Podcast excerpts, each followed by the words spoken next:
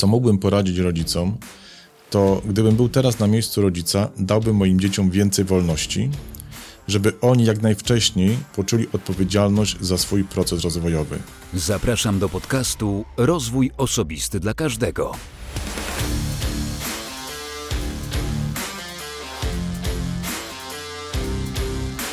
Cześć, ja nazywam się Wojtek Struzik, a Ty słuchać będziesz właśnie 215 odcinka podcastu Rozwój Osobisty dla Każdego, który nagrywam dla wszystkich zainteresowanych świadomym i efektywnym rozwojem osobistym.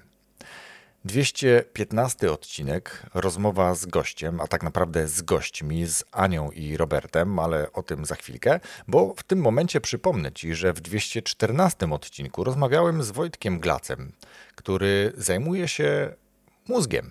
A odcinek mówi o tym, jak zadbać o swój mózg. Myślę, że to szalenie interesująca rozmowa i takie też informacje do mnie docierają, więc jeśli jeszcze nie słuchałeś, nie słuchałaś tej rozmowy, to ja gorąco do tego namawiam. W tym miejscu również tradycyjnie podziękuję wszystkim swoim patronom, patronom wspierającym zarówno podcast bajkowy, jak i podcast Rozwój Osobisty dla Każdego.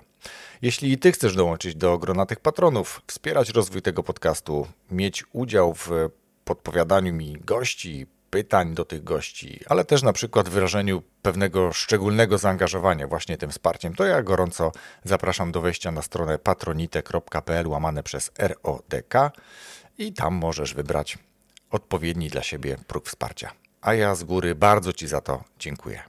I w taki oto sposób dochodzimy do sedna, dochodzimy do rozmowy z Anią i Robertem, propagatorami planu daltońskiego w Polsce. To szczególna inicjatywa, o której opowiedzą, więc nie będę ja zapowiadał, co to jest plan daltoński. Jeśli się nie orientujesz, wystarczy sprawdzić lub chwilę zaczekać. Ania z Robertem za chwilę o tym będą opowiadali. To szczególna, bardzo interesująca rozmowa, rozmowa o edukacji, o nowym wymiarze edukacji, o tym, co my jako rodzice, społeczeństwo możemy zrobić, żeby ta edukacja była na innym, lepszym poziomie. To tyle tytułem wstępu. Gorąco zapraszam do wysłuchania tej, myślę, bardzo interesującej rozmowy. Nazywam się Anna Suwińska. E, jestem nauczycielem, terapeutą, animatorem pedajki zabawy, szkoleniowcem. Jestem prezesem Fundacji Plan Daltoński.pl, a również no, na co dzień jestem terapeutą zajęciowym i pracuję z dziećmi i ich rodzicami.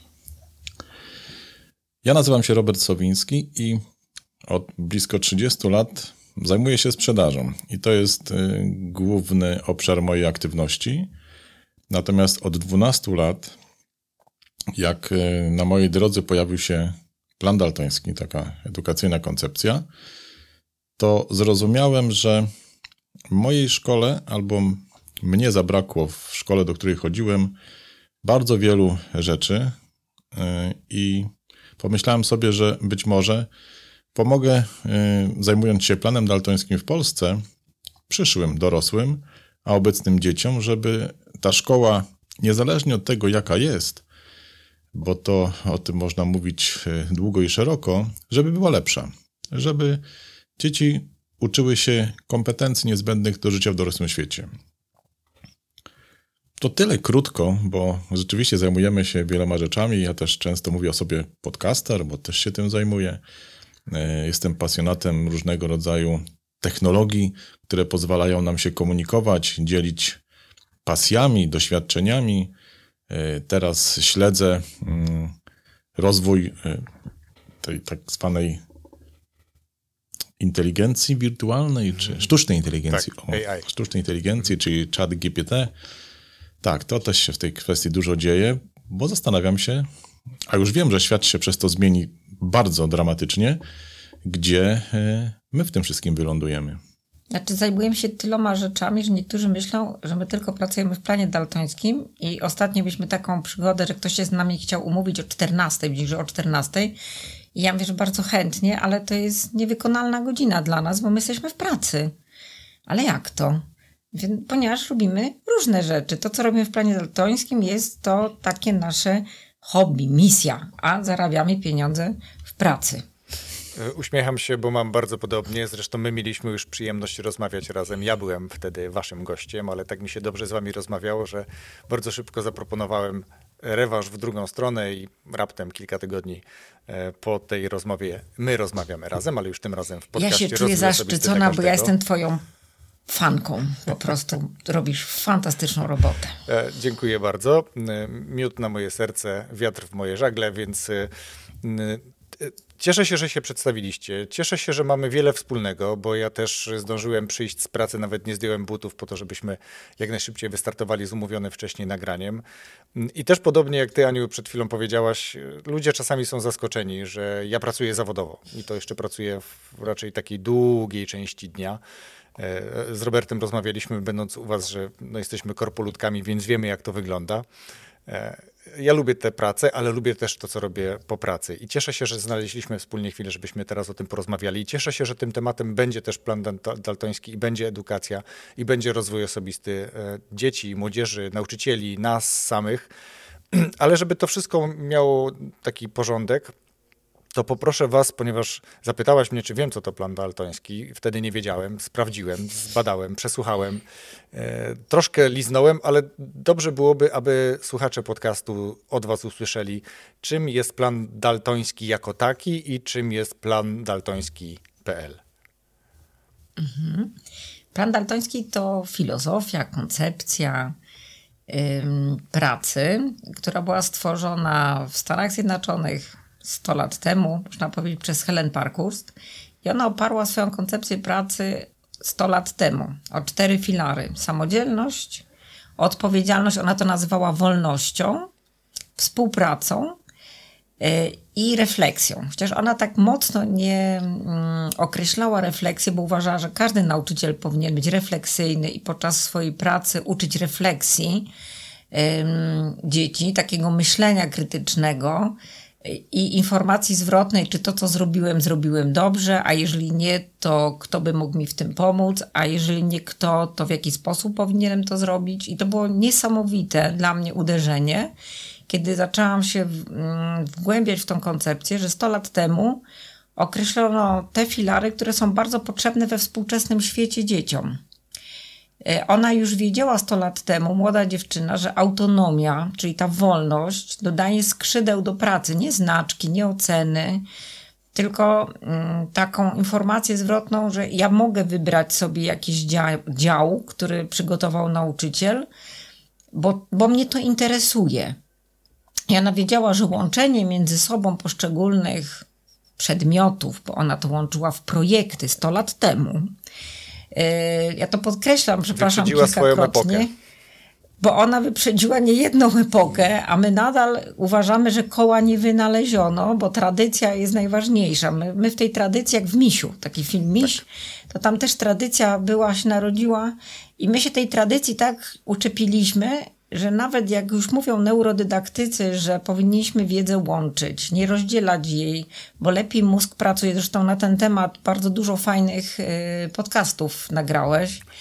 Również y, jeżeli mówimy o tym, że dziecko potrzebuje współpracy, wymiany doświadczeń, negocjacji, bo to mu się przydaje w życiu, to my usadziliśmy dzieci w osobnych ławkach, nie pozwoliliśmy między sobą rozmawiać, ani no, nie wnosić słowa krytyki do tego, co robiliśmy, bo jedynym, mm, jedyną osobą, która ma ocenić, jest nauczyciel w obecnej szkole. Chociaż to się zmienia, czego bardzo, z czego bardzo się cieszę. Więc plan daltoński jest to yy, taka koncepcja pracy oparta na filarach. Jeśli chodzi o plan daltoński.pl, no to jak sama nazwa wskazuje, jest to nazwa strony portalu, byśmy teraz to nazwali. W 2010 roku, w czerwcu bodajże, jak y, doszliśmy do wniosku, że należy mówić więcej o planie daltońskim, bo ja wpisując w internet, Google to hasło nic w języku polskim nie znalazłem, pomyślałem sobie, że to jest dobry moment do rozpoczęcia przygody z planem daltońskim. Również dlatego, że moje doświadczenia zawodowe związane są z pracą i z budowaniem niszy. Czyli zaczynam od zera, buduję coś, co jest wartością dla innych ludzi, i wokół tego tworzy się wspólnota, społeczność, użytkownicy. I teraz mówiąc o plandaltoński.pl, powiedziałbym tak może trochę górnolotnie, że to jest wspólnota. to jest społeczność, to jest zbiorowisko ludzi, którym zależy na rozwoju. Na rozwoju siebie, ale również na rozwoju dziecka, bo edukacja, szkoła, system szkolny przestał już mieć znaczenie takie, jak to miało miejsce 100 lat temu, do czego innego służy. My teraz powinniśmy mieć po pierwsze wszędzie możliwość rozwoju, takiego, abyśmy byli dostosowani. No niestety to my się musimy dostosować do otoczenia, do natury, która jest wokół nas, y, abyśmy sobie radzili w życiu. Ten świat tak pędzi, że my musimy zmienić sposoby też uczenia się i w szkole, mówiąc ogólnie, czyli w czasie, kiedy jesteśmy dzieckiem, młodzieżą i zaczynamy być dorosłym człowiekiem, mając dwadzieścia kilka lat, zaczynając pracować, żebyśmy przygotowali się do uczenia przez całe życie. I mnie zawsze pasjonowało to, żeby być lepszym, ale nie od innych, tylko od siebie z dnia poprzedniego, sprzed tygodnia, sprzed miesiąca. I tym staram się zarażać innych, yy, ucząc się mnóstwa, ilość, ogromnej ilości nowych rzeczy. Yy, staram się nabierać kompetencji, aby ułatwić sobie też życie, ale też poznać możliwość wykonywania kolejnych czynności docierać do innych obszarów, które do tej pory były dla mnie zupełnie nawet nieosiągalne, bo na przykład nie wiedziałem, że takie są. I tym chcę też zarażać e, tych, których, do których mówimy, z którymi się spotykamy. Plan daltoński jest taką platformą, na której budujemy możliwość e, rozwoju i osobistego, ale drugiego człowieka. Mhm. Nauczyciele mają wokół siebie uczniów, nad którymi mogą pracować, wspierać w rozwoju. My mamy wokół siebie, przede wszystkim ja, dorosłych. E, Ania jeszcze ciągle aktywna zawodowo, jeśli chodzi o stronę pracy z dziećmi, ma możliwość wspierania również najmłodszych. Ja pracuję tylko i wyłącznie z dorosłymi, ale jest to ogromnie satysfakcjonujące i dające możliwości naprawdę do samorealizacji. Ale też widzę, że rodzice tych małych dzieci potrzebują wsparcia i tłumaczenia, co jest ważne, ponieważ oni też trzymają się tej tradycji, bo wierzą e, w te gadżety, że jak będzie piątka, to na pewno będzie sobie w życiu dobrze radził, że jak pójdzie do najlepszego liceum, to na pewno e, osiągnie sukces zawodowy. E, my mm, koncentrujemy się w swojej pracy na sianie dobra, pokazywanie dobrych przykładów, nie narzekamy, nie pozwalam na grupie, na hejtowanie, na obrzucanie się indektywami, bo wiadomo, w każdej grupie zawodowej dzieją się różne rzeczy. Każdy się zna na medycynie i na edukacji.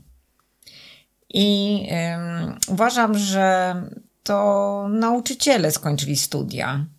E, są psychologowie, pedagodzy, którzy mają ukończone dyplomy, a jeżeli chcemy krytykować, to konstruktywnie. Jeżeli nam się coś nie podoba, to powinniśmy powiedzieć dlaczego i jak to zmienić, a nie tylko pokazywać wycinki, bo różne są grupy, z których ja wychodzę. Uważam, że nam jest potrzebny wiatr w skrzydła. W edukacji potrzebna jest ta wolność, o której mówiła Helen Parkus, i wzajemne wspieranie się tych skrzydeł, żeby nam się chciało latać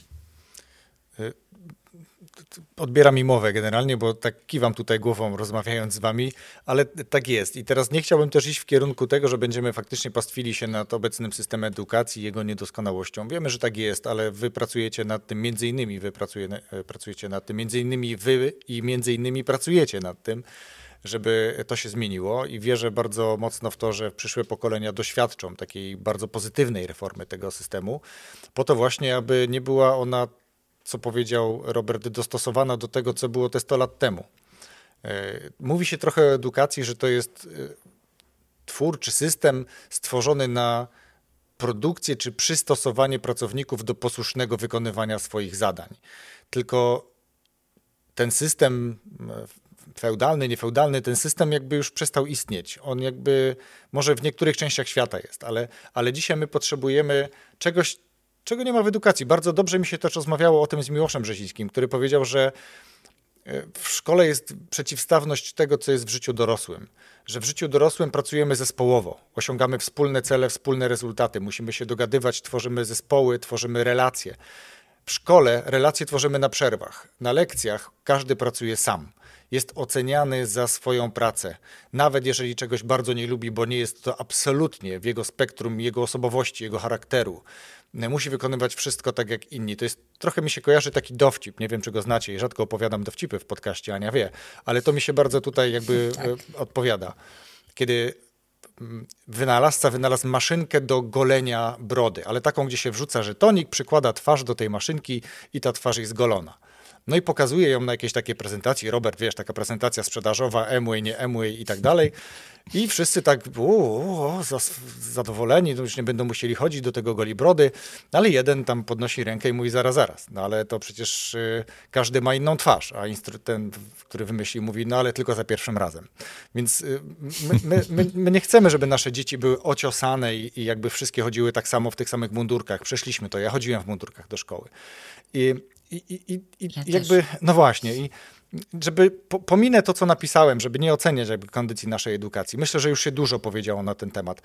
Ja bym bardziej chciał posłuchać tego, co wy robicie i w jaki sposób to przynosi, bo zakładam, patrząc na waszą społeczność, na to, jakie jest zaangażowanie w was, waszej grupie, jakie jest zaangażowanie pod filmami, które udostępniacie na swoim kanale, co można e, robić, co robicie, co się sprawdza, żeby ta edukacja faktycznie edukowała w sposób prawidłowy, przygotowywała dzieci i młodzież do życia w dorosłym, prawdziwym świecie?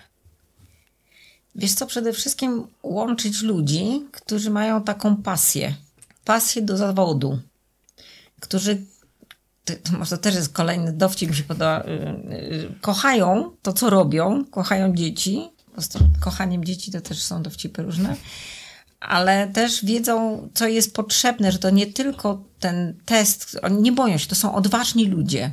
I to mi się podoba, że ludzie, którzy skupiają wokół nas, oni są odważni, oni są w stanie wejść na barykady, wywiesić, mówi tak, trzeba pracować, bo dzieci tego potrzebują. Niezależnie. I oni po, są w stanie podejść do rodziców i powiedzieć, dlaczego tak pracują i dlaczego to jest dobre dla ich dzieci. I tego się nie boją.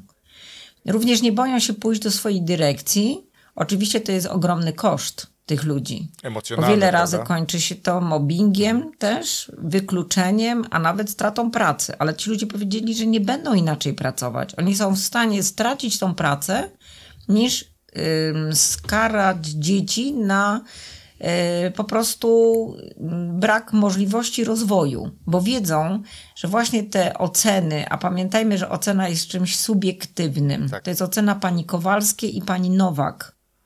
Cóż z tego, że ktoś powiedział, że idzie do dobrego liceum, ma trójkę. Ja też miałam taką panią od fizyki, która powiedziała, ja umiem na piątkę, chłopcy mogą mieć czwórkę, a no a dziewczynki no to najwyżej trójkę, więc E, ponieważ byłam dziewczynką, to y, wyżej niż dostateczny nie wyleciałam. Ale prze, Natomiast... przerwę ci na chwilkę, bo to chciałem też dopowiedzieć wcześniej.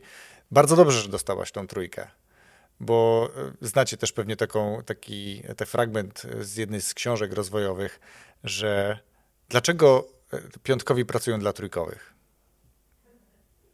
Ale wiesz, to, to, to tak się fajnie mówi i to jest nośne ja nie wiem, czy to.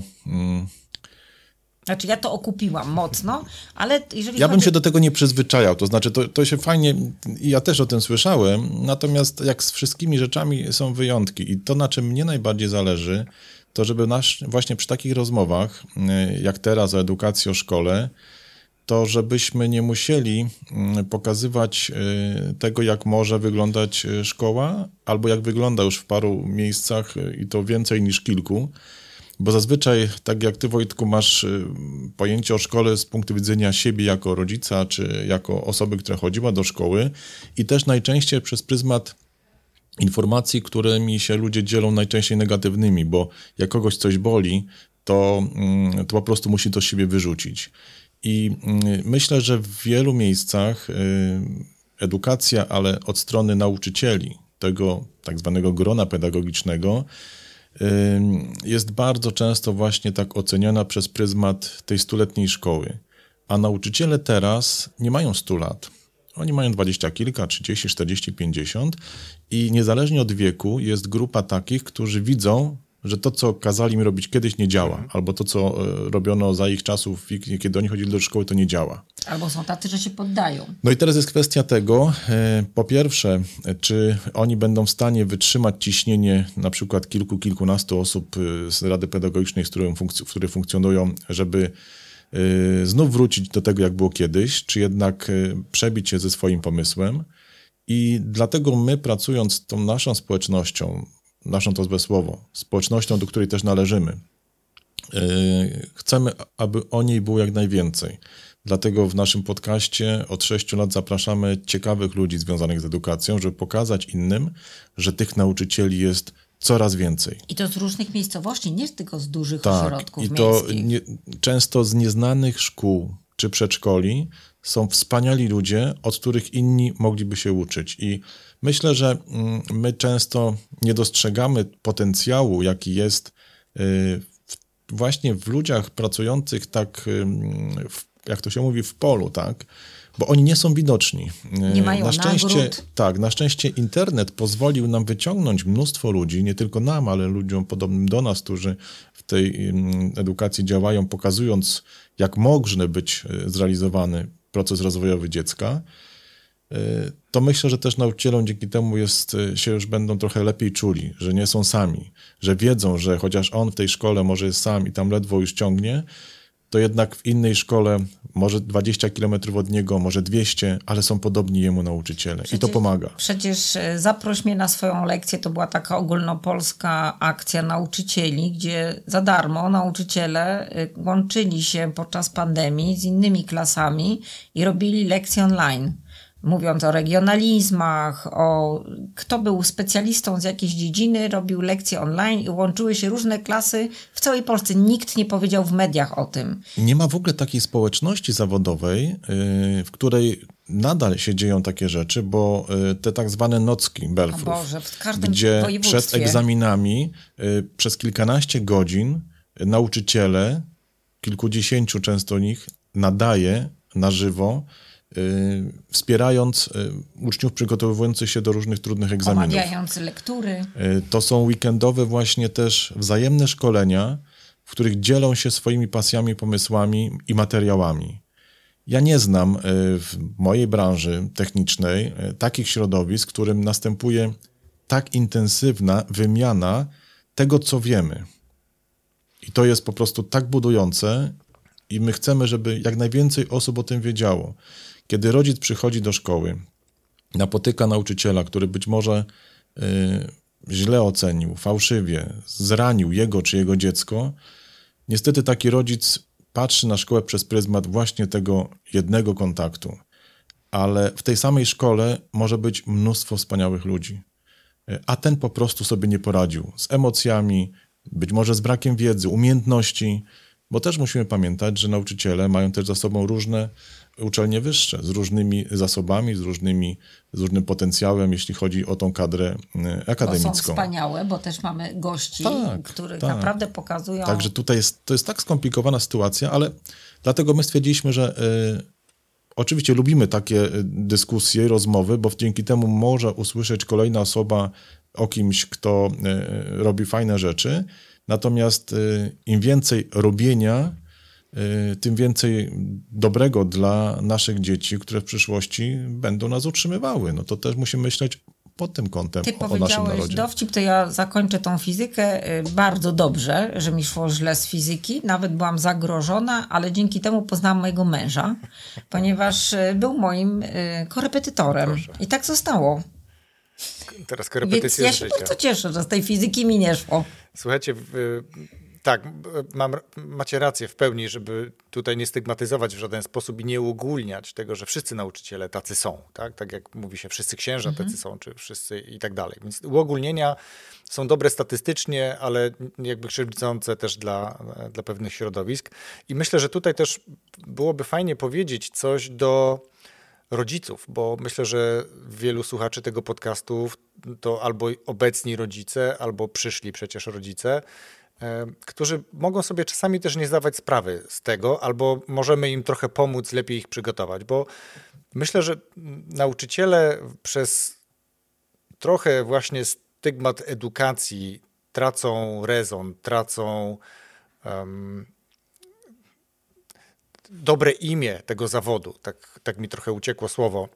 Bo kiedyś mhm. rodzic przychodził do szkoły i jak usłyszał, że Jasiu zrobił to czy tamto, to wracał do domu i Jasiu już miał w spodniach gazetę. Nie, to taki znowu tam bardziej w tytule anegdoty.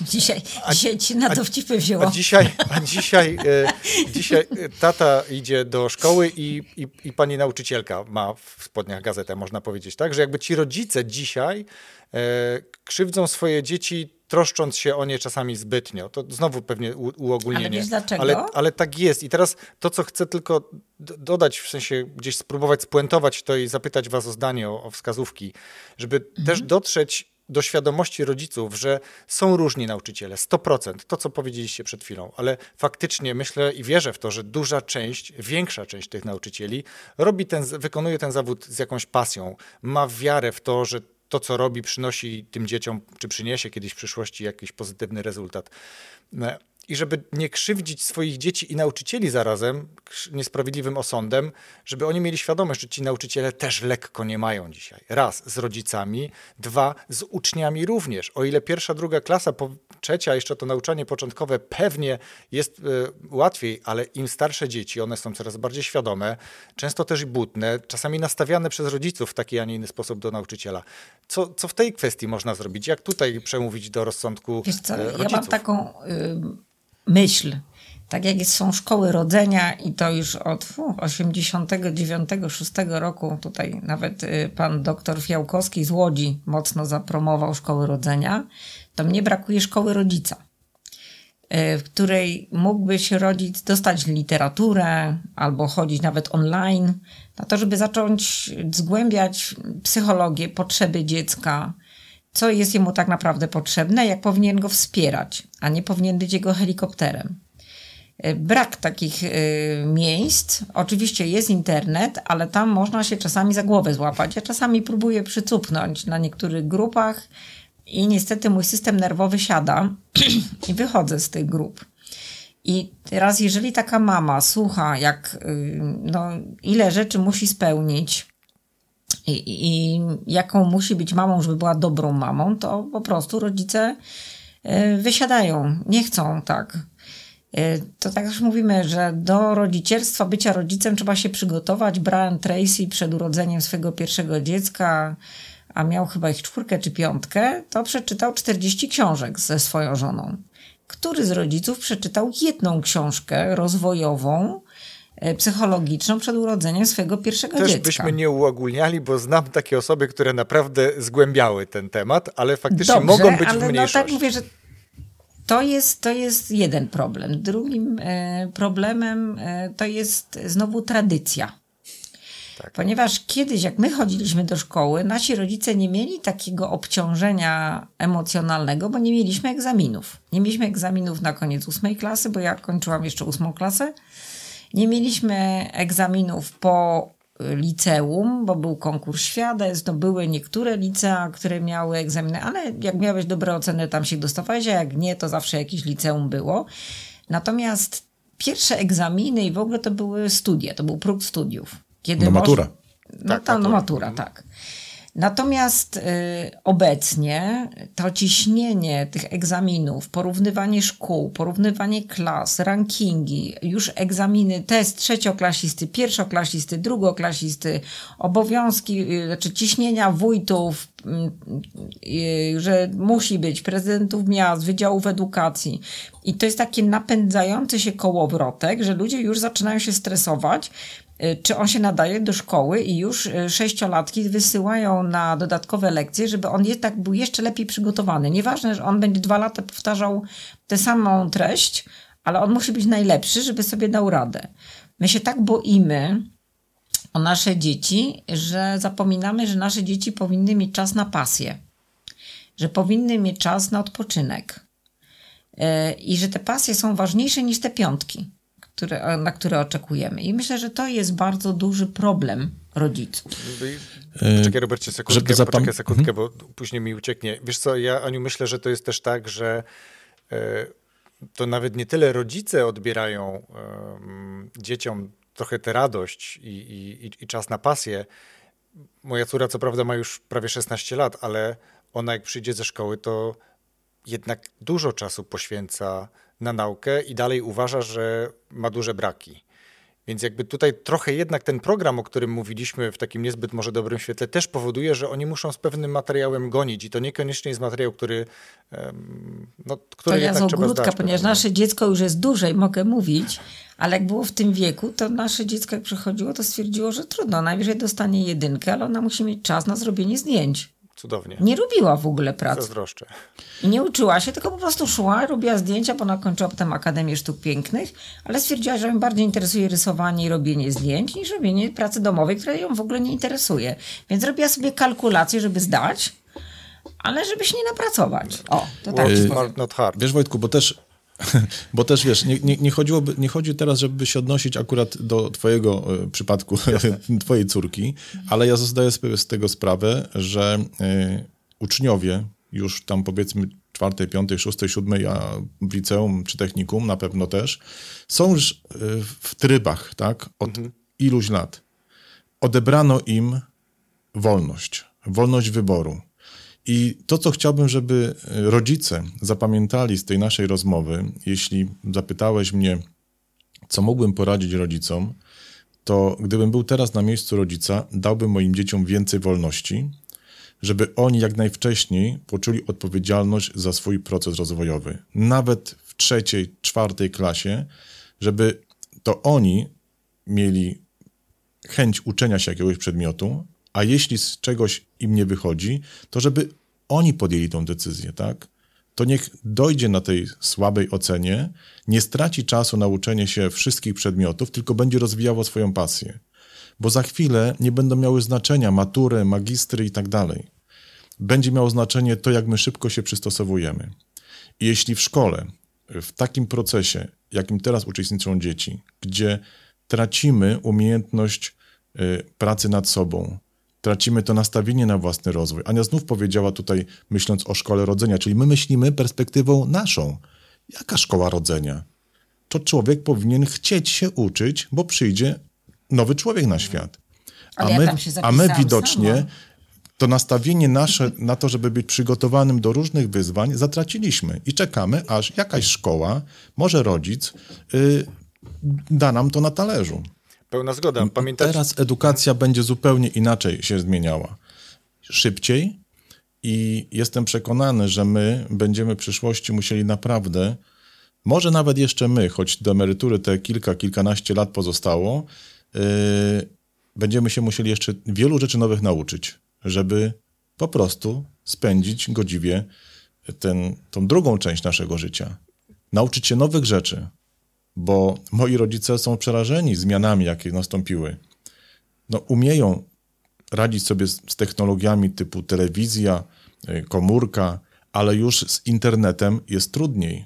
Już nie wykorzystują potencjału, który świat im dostarcza, gdzie ten, to życie byłoby dla nich łatwiejsze, przyjemniejsze. Mieliby dostęp do kontaktu z innymi ludźmi, mogliby się nauczyć czegoś nowego, obejrzeć nowe miejsca ale już tego nie skorzystają z uwagi na to wykluczenie technologiczne związane z brakiem w pewnym momencie nabierania tych kompetencji do pracy nad sobą własnego rozwoju. I to, co ty robisz z twoim podcastem, jest to to, co powinno w nas ludziach obudzić tą chęć do pracy nad sobą, żeby uznać, że szkołę to mamy całe życie, ale nie szkołę jako budynek, tylko przestrzeń, w którym pracujemy nad własnym rozwojem. Świetny Tylko tyle, tyle. I świetny. Ja jeszcze jedna rzecz, która mi bardzo przeszkadza, a mówię, 100 lat temu Helen Parkus stwierdziła, że najważniejsza jest przestrzeń, w której dzieci się uczą. Ona 100 lat temu wzięła śrubokręt, odkręciła ławki, które były przykręcone do podłogi, bo tak było, mhm. że ławki miały być w jednym miejscu i zaczęła tymi ławkami wielkimi, ciężkimi, bo to kiedyś takie drewniane wielkie ławy były, jeździć po sali i robiła grupy, kąciki. A my jak wejdziemy do obecnych przestrzeni przedszkoli, gdzie są uprztrzone, po prostu y, mówię o większości. E, że tak naprawdę zastanawiamy się, dla kogo jest przestrzeń przedszkolna, dla dziecka czy dla dorosłego, którym się to podoba. I już dużo materiałów opisanych, jak powinna wyglądać przestrzeń, jak wpływa na e, emocje, psychikę dziecka, a my nadal wieszamy krasnale na ścianach, bo tak jest ładniej. Również przestrzeń w szkołach. Jak wejdziemy sobie do budynku, dlaczego nie buduje się budynków pod dzieci? tylko te budynki są jakbyśmy mieli zakłady poprawcze po prostu. Urzędy Cele, w którym... Dokładnie. I one są brzydkie, obdrapane. Jak mamy rozwijać i chcieć się rozwijać, kiedy idziemy i mówimy tak, Boże, jak to wygląda. A przecież to wszystko ma wpływ, bo jak wy idziecie do swojego biura, to jednak są inne kafelki, nie? Staracie się, żeby wykładzina była ładna. Zobaczcie, inny świat.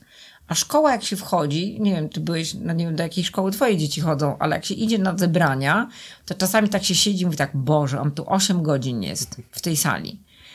I mnie się marzy, żeby w końcu przestrzenie, w których dzieci się uczyły, były przestrzeniami dostosowanymi do dzieci, a nie żeby dzieci przystosowywały się do przestrzeni. Jeszcze jedną rzecz dla tych rodziców, którzy nie będą mieli tyle odwagi, żeby dać, oddać wolność za e, dzieciom w wyborze tego, czego chcą się uczyć, to e, żeby pomóc e, swoim pociechom, po prostu, żeby poszli do tej szkoły, którą wybrali, bo na przykład stwierdzili, że to będzie dobre dla ich dzieci i porozmawiali e, z nauczycielem, z dyrektorem, żeby zrozumieli, jakimi są ludźmi. To się da wyczuć, na czym im zależy. I zastanowili się, czy chcą, żeby w takim środowisku przebywało przez kilka lat jego dziecko. Bo to może być y, też dobra wskazówka nad tym, czy to jest dobre miejsce dla mojego dziecka. Świetna uwaga, Robert. Ja myślę, że też istotne jest to, żeby y, wspierać dziecko w wyborze. To już mówię o takich dzieciach, które zmieniają na przykład gdzieś szkoły, czyli idą w kierunku jakiegoś zawodu, liceum, technikum, e, szkoły zawodowe kiedyś, dzisiaj to się troszkę inaczej nazywa. E, I nawet jeżeli to dziecko wybierze sobie taki, a nie inny kierunek z różnych powodów, czasami czysto takich, y, takich przyziemnych, będę mieć blisko, tak? E, to i, i ono za rok zrezygnuje z tej szkoły, bo to jednak coś nie tak i będzie szukać dalej, dalej w tym wspierać. To nie my chodzimy do tej szkoły. Oczywiście. To dziecko musi sobie wybrać ten kierunek. I nawet jeżeli po szkole uzna, nie chcę na razie iść na studia, nie chcę tej presji, chcę zobaczyć, czego ja w ogóle od życia chcę. Chcę iść popracować, chcę gdzieś pojechać, znajdę sobie sponsorów, będę jeździć po świecie przez rok i zobaczę, co dalej. I, i to jest coś, czego zazdroszczę tym młodym Najlepsza ludziom. szkoła to nie? jest. Życie, Szkoła życia. Prawda? Ale nowe podejście, wiesz, bo y, y, ja, moja mama ma 85 plus i jak rozmawia tam ze swoimi sąsiadami, to ona sama mówi, wiesz, y, ja już y, wchodzę w konflikty z sąsiadami, bo ja mówię, że nie, no szkoła nie jest najważniejsza, czy tam czy jesteś doktorem, czy nie, ważny jesteś, czy się rozwijasz. I jak widzę, jak opowiada, jak na nią patrzą, jak trudno jest starszemu pokoleniu przejść to, że nie szkoła, nie matura, ale właśnie mój rozwój. I że ja się więcej mogę nauczyć na takim wyjeździe rocznym i potem stwierdzę, co chcę robić, co mnie pasjonuje, bo ja to będę robić przez najbliższe lata swojego życia, prawda? Mnie się podoba takie porównanie. Ja to spotkałem w życiu zawodowym. To była anegdota, ale ona bardzo, jak to anegdoty oparte są o jakieś konkretne wydarzenia. I myślę, że można to też odnieść do tego, w jaki sposób dzisiejsze pokolenia, dzisiejsza młodzież, czego im zazdroszczę i za co ich podziwiam, potrafią zadać konkretne pytanie. Duża część. Moje pokolenie na przykład na zadany temat powiedziałoby na kiedy. A młodzi się zapytają, ale po co? Nie? Czyli jakby tutaj idziemy mocno w stronę takiego optymalizowania swojego komfortu życia, mojej wygody. Czy, czy to, co ja będę robić, ma dla mnie realną wartość? Tak? Czy to ma dla mnie wartość, Wiesz- czy ma wartość dla kogoś, kto chce, żebym to coś zrobił y, dla niego? Dokładnie. I to jest też to, co y, w nas chyba ludziach jest już niezależnie od tego, w jakiej branży działamy, że my y, na pierwszy rzut oka oceniamy to przez pryzmat y, przeszłości i naszych doświadczeń. I tutaj y, możemy niestety zrobić kuku naszym dzieciom, bo y, nawet patrząc y, na rozwój właśnie tej sztucznej inteligencji, y, wiadomo, że przez to nie nawet dzięki temu, przez to straci pracę bardzo dużo osób w usługach, różnego rodzaju usługach. I zaczyna mieć większe znaczenie to, czy potrafisz zrobić coś, czego się nie da zaprogramować, zaprojektować, y, stworzyć z tego algorytm. I w naszej rodzinie jest taka anegdota, że jak my już mieliśmy e, dosyć tych wszystkich pomysłów e, naszej córki, co będzie robiła, to mówimy, dobrze, najwyżej tutaj w garażu zrobisz studio paznokcia. I to było takie przez nas, że Taki już przytyk. jak już do niczego, już nie chcesz się uczyć, to będziesz to robiła. I zobacz, ja teraz chciałbym, żeby y, moja córka miała na przykład sieć takich gabinetów kosmetycznych, bo to byłoby rzeczywiście i wtedy y, ta w cudzysłowie klątwa mogłaby się okazać takim wyjściem naprzeciw wyzwaniom, które teraz młodzi ludzie mają. I dlaczego o tym mówię? Żeby nie deprecjonować pomysłów na to, co dzieci będą robiły, ani nie próbować czymś, co się wydaje mało ważnym, mm, traktować tego jako coś, co może spaść na nasze dziecko, bo Przez może się okazać. naszej historii, prawda? Tak, bo może się okazać, że to może stać się trampoliną e, do e, jego rozwoju. Teraz tak naprawdę, jak widzimy, co się wokół nas dzieje, nie ma zawodów, na których nie można by zrobić biznesu, w tym sensie, że mm, można się z tego utrzymać i to godziwie. Mhm. Oczywiście część y, zawodów upada, ale pojawiają się nowe.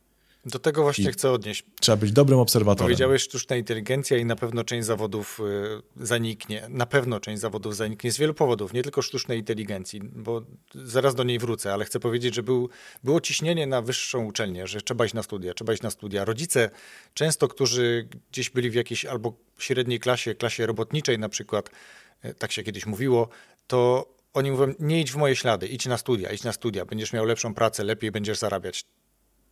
To po pierwsze nie jest prawda, bo to studia nie, nie dają gwarancji, to już o tym doskonale wiemy i ta młodzież też już to wie. Ale do czego to doprowadziło? Doprowadziło to do tego, że zanikło rzemiosło bo nikomu no się nie chciało iść na krawcową, na szewca, na golibrodę. No dobra, golibroda później wybuchł, bo nagle była moda na brody, prawda? Natomiast masa, tak, na, natomiast masa istotnych zawodów, takich, które dalej mają moim zdaniem e, prawo bytu dzisiaj w obecnym czasie, e, zniknęła albo bardzo się ograniczyła. Tak? Jak wejdziemy do szewca, to, to już jest najczęściej jakiś pan na emeryturze i, i, za chwilę też go nie będzie, tak? bo on też zamknie ten zakład. A sztuczna inteligencja na pewno spowoduje, że zmieni się rynek pracy, ale z kolei technologia i rozwój wszelaki spowoduje, że powstaną nowe miejsca pracy, tylko tutaj znowu wygrają nie ci, którzy mają dyplomy z wyższych uczelni, nie ci, którzy mieli piątki, tylko ci, którzy potrafią się szybko zaadaptować, którzy są odważni, którzy potrafią powiedzieć: Widzę przestrzeń dla siebie w tym obszarze, idę w tym kierunku. Co muszę zrobić, żeby mhm. się rozwinąć w tym obszarze? Tak? Czego ja potrzebuję? Jakich narzędzi, jakiej wiedzy? Kto mi to da? Gdzie ja to kupię? Kto mnie tego nauczy? Kto może być moim mentorem? To są ludzie, którzy wiedzą, kogo Czyli zapytać. ta refleksja, nie? prawda? Gdzie ja powinienem sobie umieć zadawać pytania i odpowiadać, a nie kogoś, kto mi będzie mówił, na której stronie mam co otworzyć i czy to, co odpowiedziałem, jest dobre. Hmm. A nie, żebym ja mógł porównać sobie odpowiedzi i wziąć z tego średnią. Ja jeszcze chciałam powiedzieć a propos klątwy mojego pokolenia, jak ja chodziłam do szkoły, to mówi, jak nie będziesz się uczyć, to zobaczysz, to pójdziesz do zawodówki. Czyli zawodówka to była taki czarny dziad. Tak. Że jak nie będziesz się uczyć nie będziesz magistrem, taka baba Jaga, tak, że to będziesz jakimś tam brukarzem. Straszne. A teraz, kurczę, malarza, brukarza do domu ściągnąć, jak chcesz coś zrobić, to jest w ogóle marzenie. Ale wiesz, to co opowiadałeś, to ja jestem takim przypadkiem e, właśnie e, takiego e, syna robotników, którzy nie chcieli, żeby, żebym ciężko pracował. Idź na studia, będziesz kierownikiem. Ja po skończonych studiów poszedłem jako konstruktor do wytwórni urządzeń komunalnych, zacząłem projektować tak zwane mechanizmy wywrotu, które przez wiele lat jeszcze jeździły nawet po tym, jak ja zwolniłem się z tej firmy, gdzie trzykrotnie więcej zarabiał lakiernik w tej firmie. I ja w ciągu roku praktycznie zrezygnowałem. Schowałem e, dyplom, który ukończyłem, który, uczelni, którą ukończyłem w Łodzi, Politechniki Łódzkiej, i zacząłem robić to, co mi sprawiało przyjemność, ponieważ pasjonowałem się wtedy komputerami, zatrudniłem się do firmy, gdzie byłem serwisantem od komputerów. Zaczynałem się, uczyłem się naprawiać komputery po to, żeby mógł z nimi być. Mhm że mógł z nich korzystać i uczyć się nowych rzeczy. I wtedy nauczyłem się pracy z klientami, rozmowy z ludźmi, szkolenia ich, bo instalowałem oprogramowanie, y, plotery, skanery i tak dalej. I to, mnie też, to mi też pokazało, czyli taka praktyka zawodowa pokazała mi, w czym się dobrze czuję i co bym chciał robić. I później zacząłem szukać pracy jako taki, taki typowy y, handlowiec liniowy i przez wiele lat i właściwie do dnia dzisiejszego y, te funkcje w sobie, w sobie łączę. Dlatego dla mnie najlepszą szkołą, która dała mi możliwość znalezienia i odkrycia sobie mocnych stron, na bazie których mogłem zbudować też swój dobrobyt, to było tak naprawdę już życie w boju, tak? A nie sama edukacja. Edukacja niestety przeciągnęła ten czas, kiedy zacząłem się uczyć tego, co powinienem robić dla siebie i dla innych. Mhm. Cenne, co powiedziałeś. Ja tylko dokończę, że y, swojego czasu, kiedy po raz pierwszy poleciałem do mojej siostry, która świeżo była w Stanach przez tam ponad rok już wtedy i mieszkała jeszcze jako per u swoich tych rodziców amerykańskich, których dziećmi się zajmowała. I to było, to było małżeństwo, gdzie pan był hydraulikiem, a pani już nie pamiętam czym się zajmowała. I jak to odniesiesz wtedy, te ponad 20 lat temu, do polskiego małżeństwa, gdzie pan jest hydraulikiem, a pani czymś się zajmuje, to to są dwa różne światy, nie? Czyli jakby my dopiero teraz jesteśmy na tym etapie, te dwadzieścia kilka lat później, kiedy dzisiaj pan hydraulik żyje na dużo lepszym poziomie niż nie jeden pan magister, profesor, doktor, habilitowany czy ktokolwiek inny, jakiekolwiek tytuły inne zyskał, bo umiejętności, jego solidność, umiejętność dostosowania się, czyli kiedyś skręcałem stalowe Fachowość. rury, dziś później kleiłem plastik, w międzyczasie mieć, jestem wszechstronny, ale w kierunku hydrauliki. Nie? Czyli... I tego żadna sztuczna inteligencja nie, nie. zrobi. Długo jeszcze Nawet nie, jeśli pewnie. nie będzie naprawiane, to tą wymianę musi zrobić człowiek. Ale rodzice muszą wymienić dysk, bo tradycja została. Tak, to jest brak szacunku do ludzkiej pracy, fizycznej pracy i to jest niestety to, co nam w, niestety wpoił PRL. Bo y, jeśli ciężko pracujesz fizycznie, to do niczego nie dojdziesz. I to było coś, co tak naprawdę zepsuło nas jako ludzi, którzy mogliby na bazie własnych kompetencji zbudować swój dobrobyt, swoje szczęście. Y, w no wiesz, kapitalizmie y, umiejęt, za umiejętności płacono. A tutaj było wynajmowane fizyczna praca i nie płacono praktycznie wcale. Ale wiesz, poszukiwany, poszukiwany, yy, poszukiwana była na drzwiach inżynier napisane, więc to taka yy, magister, mój, mój mąż jest dyrektorem, czyli te, te nominacje. Ja z zawodu jestem tak, dyrektorem. Tytularność doktorowa, więc y, to jest czas, tak jak powiedziałeś, PRL-u. Ale to nie chodziło o kwestię tego, co umiesz, tylko kto z kim się zadajesz i to był tak, to klucz do sukcesu. To coś innego, zgadza się. To Ale to w nas zostało, że my byśmy też chcieli, tak. żeby nasze dzieci miały inżynier, może nie na tabliczce na drzwiach, bo teraz wszyscy chowają te imiona i nazwiska na drzwiach, ale no, to, to gdzieś zostało nam wdrukowane. Niekoniecznie, wiesz, bo na przykład kompetencje... chętnie chwalimy się tytułami w stylu MBA, tak? No bo to jest też taki nowy kierunek, to, to no oznacza, no tak. że jestem menadżerem, kimś lepszym być może, tak? Ale już te PhD amerykańskie, nasze magistry, inżyniery, już niekoniecznie, ale nadal są. Czasami widać, że ktoś jest magistrem, tak. ale z kolei taka osoba naraża się niestety na trochę taką szyderczy uśmieszek, bo przyjęło się mówić, że skoro dodaje sobie tego tytułu, e, tego rodzaju tytuł przed nazwiskiem, to czegoś mu być może brakowało, czy brakuje. No, więc... O, przypomniałeś mi teraz rzecz, którą y, rodzicom ucieka i ja widzę, jaki, jaki problem sprawia to nauczycielom dorosłym, kiedy pytam, w czym jesteś najlepszy? Mhm. To wiesz, jaki to jest problem, kiedy pytam, podejdź do mnie i powiedz, jestem najlepsza, najlepszy w tym i w tym. I mamy taką blokadę wewnętrzną, żeby powiedzieć głośno przy innych, w czym jestem najlepszy, bo nam się to kojarzy z chwaleniem. Sie, chwaleniem to się, chwali pięta, taki był taki wierszyk tak. i to jest... I porównywaniem się do innych. A my mamy znaleźć swoich talentów i mocnych stron, tą stronę, w którym ja się czuję najlepiej. Nie porównywać że jestem najlepsza w tej grupie z tego. Ja ze swoich talentów jestem najlepsza z tego. I my jako rodzice powinniśmy rozmawiać z dzieckiem właśnie w tym kierunku. Powiedz, w czym jesteś najlepsza? W tym, czym ty czujesz się najlepsza i mogłabyś pomóc innym. No, tu dotykamy całego sfery poczucia własnej wartości. Jak pracować nad nią z malutkim dzieckiem, z dzieckiem szkolnym, z nastolatkiem to są wyzwania. To są wyzwania. Mówisz o tym, że ciężko jest nam powiedzieć, w czym jesteśmy dobrzy, bo traktujemy to jako chwalenie siebie. I to, a, a zawsze chwalenie się było piętnowane. I, I, dzięki, czy przez to nie, nie, mówimy dobrze o sobie, o swoich wartościach. Ale to nie jest jedyna rzecz. My nie potrafimy nazwać swoich emocji. My nie potrafimy wielu innych rzeczy nazwać. A uśmiechałem się, jak zaczęłaś mówić, bo my na rozmowach o pracy pytaliśmy kandydatów, którzy już przychodzili na spotkania, masz tu kartkę, mhm. napisz e, najlepsze pięć rzeczy na swój temat. I długopis był, wiesz, jak na egzaminie. Nie drgnął. Nie? Zawieszony. Zawieszony. Jak, jak mam napisać? Ale faktycznie to jest, myślę, że to jest to jest trochę dotykanie teraz tego obszaru, w jakim kierunku się rozwijać. Znaczy, rozwijać się w kierunku tego, co lubimy robić, w kierunku czegoś, co jest zgodne z naszymi wartościami, zainteresowaniami, pasją, i nawet jeżeli to przestaje nas w pewnym momencie bawić, bo może tak być, to znajdziemy to sobie coś innego. czegoś nowego. I to, co ty mhm. powiedziałeś, Robert, też jest myślę istotne e, i na co trzeba się przygotować, bo czasy w najbliższym, e, najbliższych kilku, kilkunastu latach to pokażą doskonale, jak, jak jesteśmy gotowi na zmiany.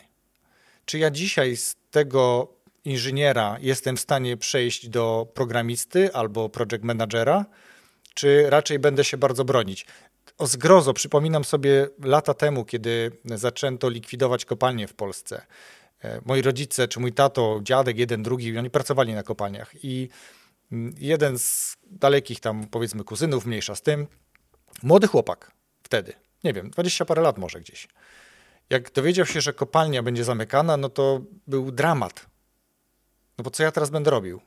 Ja nic innego nie potrafię robić. Oczywiście złośliwy komentarz teścia, na kopalni też ci nie dobrze idzie, więc e, e, żartujemy sobie dzisiaj, ale no, to jest właśnie do czego namawiam, żeby zmienić sposób myślenia, otworzyć się na to, że na pewno nadejdzie nowe. I niekoniecznie. Ale widzisz, to, to są jest... tutaj. Teraz ja, teraz ja. Bo widzisz, to też jest tak, że y, tamto pokolenie przyzwyczajone było, że jak poszedłeś do pracy, to 35 lat w jednym zakładzie pracy, tak. to wtedy był dobry pracownik. Tak. A teraz, jak pracujesz dłużej niż 10 lat, to już powinieneś się zastanowić, dlaczego jesteś w tym miejscu.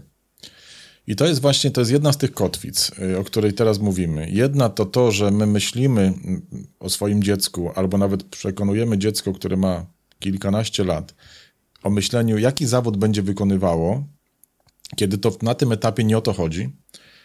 Powinniśmy zapytać się, co lubisz robić i starać się, żeby w tym był najlepszy I w okolicy na przykład, albo tak. Natomiast jest druga jeszcze kotwica, yy, nieszczęsne mieszkania i domy, hmm. które za wcześnie sobie jako młodzi ludzie yy, fundują. I to jest y, najcięższa kotwica, która ich utrzymuje, bo przy tak rotacji dużej różnego rodzaju firm i zmiany w przemyśle, które się dzieją, y, najlepsze firmy, których przez rok, dwa, trzy, pięć y, możesz osiągać sukcesy finansowe i okazuje się, że nagle przestają mieć szansę bycia na rynku. I teraz zmiana miejsca zamieszkania to jest wyzwanie dla takiego młodego człowieka, który jest ugotowany z 30-letnim kredytem. Także o tym też zapominamy, o takich czynnikach ekonomicznych i tych przyzwyczajeniach do nas z młodości, że, yy, że jak nie masz domu swojego czy mieszkania, to wynajmowanie jest w ogóle yy, B, tak? A właśnie trzeba wręcz przeciwnie, jest czas na wynajem, a potem jest czas na stanowienie, co robię, tak? Gdzie, gdzie się, mieszkać. Gdzie się osadzę, w jaki I sposób. co chcę robić. U nas myślę, że jeszcze tak. dużo takich czynników dodatkowych wpływa, myślę, Robercie, na to, dlatego że stosunek e, wartości czynszu do wartości raty czy wartości samego mieszkania też tak. jest istotny. W Niemczech, czy wynajmu w nawet, Niemczech mało kto bardzo... ma swój dom czy swoje mieszkanie. Duża, o, duża część ludzi żyje jakby w takich, nazwijmy to, spółdzielczych mieszkaniach i jakby to się opłaca po prostu. I, i to chyba też z tego trosze, trochę e, wynika. Ale słuchajcie, bo ja chcę was jeszcze zapytać o, o to, mm, znaczy w sumie o kilka rzeczy, ale idziemy w kierunku e, dopływania do brzegu, bo tak to moglibyśmy o tej edukacji rozmawiać jeszcze długo. Jak widać, Ale to mam się przyjemnie się. Dziękuję, wzajemnie. Cieszę się, że szybko mogliśmy wrócić do tej rozmowy, tym razem w tym projekcie. E, rozmawiamy o uczniach, o nauczycielach, o edukacji, o gotowości na zmiany. Z czym, gdybyście chcieli spuentować, z czym chcemy, czy ch chcemy, no chcemy wspólnie, ale wy z kim, z czym chcecie zostawić słuchacze tego podcastu? Z jaką myślą, refleksją, zadaniem? Nie bójmy się marzyć, bo marzenia są po to, żeby je spełniać. Tylko zastanówmy się, w jaki sposób, jak długo do tych marzeń dochodzimy. Żeby to były nasze marzenia. I, i nauczmy marzyć nasze dzieci ja chciałbym, żeby słuchacze Twojego podcastu e, jeszcze więcej mieli zaufania do siebie i do swoich dzieci. Bo im więcej oddamy wolności człowiekowi, tym będzie bardziej samodzielny w przyszłości. I druga jeszcze kwestia, która też tutaj się na początku bardzo mocno przewijała, kwestia tego, że we współczesnym świecie, w firmach, których funkcjonujemy, czy w biznesach, które prowadzimy, nawet najmniejszych, Ta wspólnotowość ma istotne znaczenie, umiejętność kontaktu z drugim człowiekiem, tolerancja na drugiego człowieka, otwarcie na inność. To jest też coś, o co warto zadbać i do tego przyzwyczajać dzieci, bo trafiają do różnych środowisk. Nie zawsze y, ta tolerancja, akceptowanie innego człowieka jest eksponowane. Y, to rodzina powinna o to zadbać, bo jeśli młody człowiek będzie szanował drugiego człowieka, drugiego młodego człowieka, to w przyszłości będzie też miał szacunek do swojego kolegi, klienta, pacjenta, najbliższej osoby, a to w tej naszej wspólnotowości jest jedną z najważniejszych rzeczy. Popatrząc, jak się świat zmienia, my musimy pozostać, być w tym świecie ludźmi, nawet jeśli ten świat staje się dla nas nieludzki. Jeszcze tak dla rodziców, y, bądźmy przy dzieciach y, i patrzmy. I bądźmy w momencie, kiedy będą chcieli rozmawiać, ale nie bądźmy namolni. Po prostu patrzmy, przyglądajmy się i aranżujmy rozmowy. A jeżeli jest taka sytuacja, to rozmawiajmy. Żeby dziecko miało świadomość, jak wyjdzie z naszego domu, że zawsze może do nas zadzwonić. Ale nie po to, żebym mówił mu, a nie mówiłem, tylko posłucham. Co chcesz mi powiedzieć? Co nowego, co dobrego? Kocham cię, jesteś dla mnie ważny. To jest bardzo ważne słowo, które każdy rodzic powinien powiedzieć swojemu dziecku. I to nawet często. jak jest dorosły, a nawet może tym bardziej, bo o tym zapominamy. Tak, bardzo dobry ciepły, ważny koniec, myślę, naszej rozmowy. Znaczy nie do końca koniec, ale jakby zamknięcie klamrą tych naszych istotnych tematów, bo jeszcze chcę zapytać o tradycyjnie dwie rzeczy na koniec. Zacznę od książki, tudzież książek. Rozmawiam z wami mm, obojgiem, więc możecie chcieć polecić każde swoją ulubioną książkę albo taką, którą no, chcielibyście słuchaczom podcastu polecić. Ja dla rodziców dwie. Mhm. Jedna to em, edukacja wolności, a druga to rewolucja w uczeniu. Więc ja dzisiaj tak wolnościowo i rewolucyjnie. E, Jedna książka i druga ma ponad 30 lat i nadal bardzo ak- aktualna w treści. Ja aktualnie e, przesłuchuję się kolejny raz, e, bo nie mam za bardzo czasu na czytanie. Sam wiesz, jak to jest, jak się jest twórcą różnych rzeczy, a jeszcze się pracuje aktywnie na etacie i chce się robić to najlepiej, jak to możliwe, to słucham, z racji tego też, że często podróżuję. I słucham drugi raz e, książki Nasima Taleba Antykruchość, ponieważ e, poznałem tą książkę dopiero w zeszłym roku e, i e, zauważyłem, że w pewnym momencie skorzystaliśmy na tych kompetencjach. Myślę tutaj o pandemii, o naszym przekwalifikowaniu się w tym aktywnościach naszych szkoleniowych, kiedy od wielu lat jeździliśmy, spotykaliśmy się z ludźmi i te nasze szkolenia były takie typowe, warsztatowo-wykładowe. Natomiast musieliśmy się przestawić na e, szkolenia online, webinary. E, To było też potrzeba nabycia nowych kompetencji, stworzenia kursu online, zarządzania platformą. I później, e, czytając właśnie Taleba, mówię tak, rozumiem, dlaczego bycie antykruchym pozwala nam na wykorzystanie tego czarnego łabędzia, jaką stała się pandemia. I zachęcam, zajrzyjcie do tej książki. E, To jest amerykański ekonomista z bardzo ciekawą historią. E, Książka nie jest łatwa w odbiorze, dlatego czytając ją jest łatwiej, bo nie wiem, czy, e, znaczy słuchając, czy czytając bym sobie poradził, ale słuchając może naprawdę równolegle z autorem myśleć o tym, co słyszysz e, w uszach i czasem się uśmiechnąć, czasem się przerazić i zastanowić nad przyszłością, bo myślę, że w tej książce można odnaleźć też e, co mam zrobić w takim razie, żeby sobie poradzić w sytuacji, kiedy spotka mnie coś, czego się nie spodziewam. Ja może tak długo nie opowiedziałam o moich książkach, ale naprawdę są fajne. Wiedziałam, że tak trzeba długo. E, Oczywiście, że książki wylądują w opisie tego odcinka podcastu. Bardzo dziękuję za te rekomendacje. E, Macie kapitalny kanał na YouTubie, m, Plan Dal- Daltoński, również się tak nazywa, więc tam na pewno możemy odesłać. Gdzie jeszcze możemy odesłać? Gdzie jeszcze słuchacze mogliby pooglądać wasze treści, czy odezwać się do was być może? Tak, wejście na plandaltoński.pl to jest takie miejsce, gdzie skupiają się wszystkie te nitki e, dotyczące naszej aktywności szkoleniowej, twórczej, wideo, również podcast. E, jutro jest pierwszy dzień e, narodzenia nowej nazwy naszego podcastu. Przez 6 lat nazywał się Od nauczania do uczenia się. To było związane też z promocją naszej książki, którą wydaliśmy kilka lat temu o przejściu właśnie od nauczania do uczenia się. Natomiast y, teraz y, nasz podcast nazywa się Edukosmos, czyli edukacyjny kosmos, ponieważ tak naprawdę przez te 6 lat zapraszamy ciekawych ludzi związanych z edukacją, którzy zmieniają świat na lepsze. Kosmitów. Edukosmitów, jak często o nich wspomina profesor Roman Lepert. Y, czyli podcast. Mamy też swoją księgarnię, mamy takie niewielkie wydawnictwo, które wydaje książki na temat planu daltońskiego, to już jest 8 pozycji. Jesteśmy jedynym wydawnictwem w Polsce, którzy wydają takie książki. Chyba jedynym w Europie, który ma tyle pozycji dotyczących planu daltońskiego. I książkę dla rodziców, bo ty czytasz bajki z bajkami o Heniu. Tak, książka e, kucharska trochę właśnie, tak, trochę taka z informacjami właśnie. dla rodziców, jak, co to jest plan daltoński. I Więc ja w zeszłym polecamy. roku też popełniłem książkę dla dorosłych, ponieważ często mnie pytali, nawet powiem tutaj tak trochę anegdotycznie, że jak bywałem na targach z, w mojej branży, to podchodzili do mnie niektórzy moi klienci, którzy mieli małe dzieci i y, odnajdując mnie w przestrzeni sieci, w tych kwestiach edukacyjnych, podpytywali mnie często o co, o co w tym chodzi, dlaczego to jest takie ważne.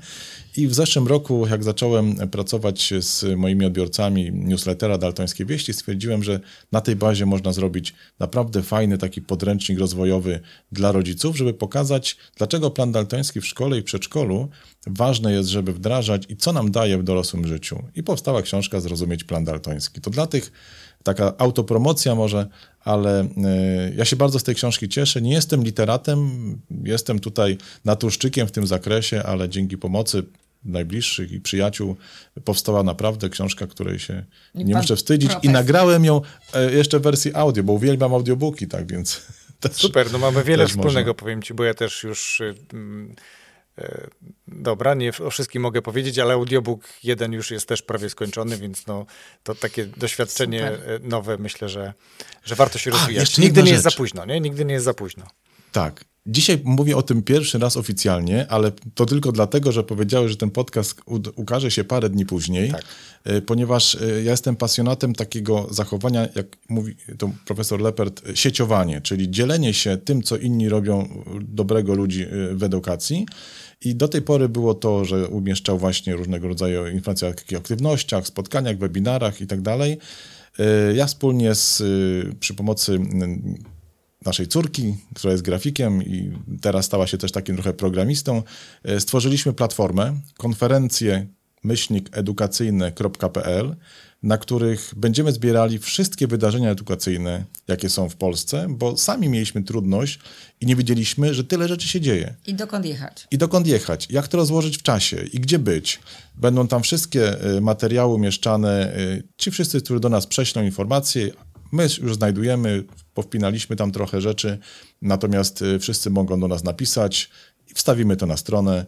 To y, mam nadzieję, że tak długo jak to będzie możliwe, będzie nieodpłatny, niekomercyjny projekt. Szukamy partnera, który pomoże nam tą niekomercyjność ustawić, tak żeby wszyscy, którzy chcą uczyć innych lepiej szkoły, mogli na tej stronie znaleźć taką tablicę ogłoszeń. Bardzo ciekawy projekt. Znowu widzę dużo podobieństwa, bo jak wiecie, najlepsze polskie podcasty prowadzimy taki projekt też e, niekomercyjnie po to, żeby wspierać e, młodych twórców, niszowych twórców, polskich twórców podcastów. Polecamy co sobotę w newsletterze właśnie, więc naprawdę dużo podobnego. Miejsce, miejsce, strona plan, e, Fundacja Plan Daltoński. Co prawda to jest strona tylko fundacyjna, gdzie są członkowie fundacji, pokazujemy swoje, swoją misję, ale fundacja ma na celu właśnie produkowanie materiałów, y, takich nagrań, również y, certyfikowanie placówek, które chcą, chociaż ja tak nie za bardzo lubię to słowo, bo uważam, że plan daltoński jest koncepcją wolną. No ale... Fundacja opiekuje się placówkami, tak, których o. plan daltoński jest y, I jeżeli obecny. chcą, żebym przyjechała i powiedziała, że doradziła, to ja przyjeżdżam i wspieram takie placówki które Konsultacje chcą, online też robisz? Tak, żeby były e, placówkami e, sensu stricto na bazie planu daltońskiego. Więc no, robimy różne rzeczy, robimy również takie, ostatnio taki projekt Poranki Daltońskie, gdzie... Dla edukacji domowej tym razem. Dla, cały czas wyciągam rękę pod edukację domową. Muszę powiedzieć, że z rodzicami mamy problem, bo y, jakby mniej są zainteresowani, ale może się dowiedzą, to będą przychodzić. Tak, czyli w jaki sposób y, mm, efektywnie bawić się z dzieckiem. To Uczyć jest... przez zabawę. Tak, ale to są dla małych dzieci, ci co mają przedszkolaki i 1-3. Mhm. Faktycznie tych aktywności, słuchajcie, jest całkiem sporo. Dziękuję za te wszystkie aktywności, dziękuję za polecane książki i za kapitalną rozmowę. Słuchajcie, cieszę się, że mogliśmy się tak szybko spotkać i sobie porozmawiać. A ja Tobie bardzo serdecznie dziękuję za zaproszenie tego podcastu. Muszę Ci powiedzieć, że przez te 12 lat naszej działalności jesteś drugim podcasterem, który wyciągnął do nas rękę. Być może edukacja nie jest sexy w tej branży rozwojowej, y, co mnie przez długi czas martwiło, bo przecież edukacja to rozwój, tak? Y, natomiast rzeczywiście ta sfera tutaj y, działań rozwojowych wśród dorosłych jest tak jeszcze ogromna do zgłębienia, że nie dziwię się, że kolejne podcasty, które powstają, są związane właśnie z tą obszarem naszego rozwoju. Mnie to też bardzo cieszy, bo dla mnie podcasty były i są źródłem wiedzy i doświadczeń i rozwoju osobistego też mojego, dlatego jestem też takim ambasadorem wszystkich podcasterów y, i mówię jak tylko mogę y, o podcastach, bo to jest najlepsze, najtańsze i najprzyjemniejsze źródło mm, wiedzy i można przy okazji spotkać wspaniałych ludzi, co możemy tutaj, my na ekranie też, bo widzimy siebie. Tak.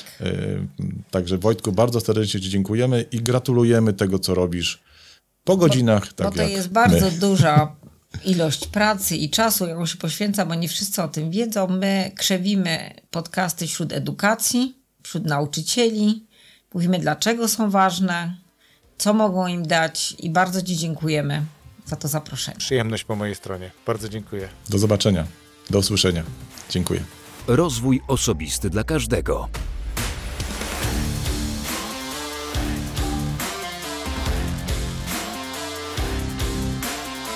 Dziękuję za wysłuchanie tej rozmowy do końca. Myślę, że ludzie tacy jak Ania, Robert, ludzie pełni pasji, pełni przekonania o słuszności tego, co robią, mogą zmienić i zmieniają świat. W tym wypadku zmieniają podejście ludzi do edukacji, podejście nauczycieli do uczniów, do rodziców i całego tego środowiska. Myślę, że to bardzo szczytna inicjatywa i warto wspierać mm, tego typu ludzi, tego typu ruch, angażować się w to i popatrzeć na to trochę z innej strony. Takie jest moje zdanie na ten temat. Więc raz jeszcze bardzo dziękuję za wysłuchanie rozmowy do końca i zapraszam za tydzień na kolejny nowy odcinek podcastu Rozwój Osobisty dla każdego.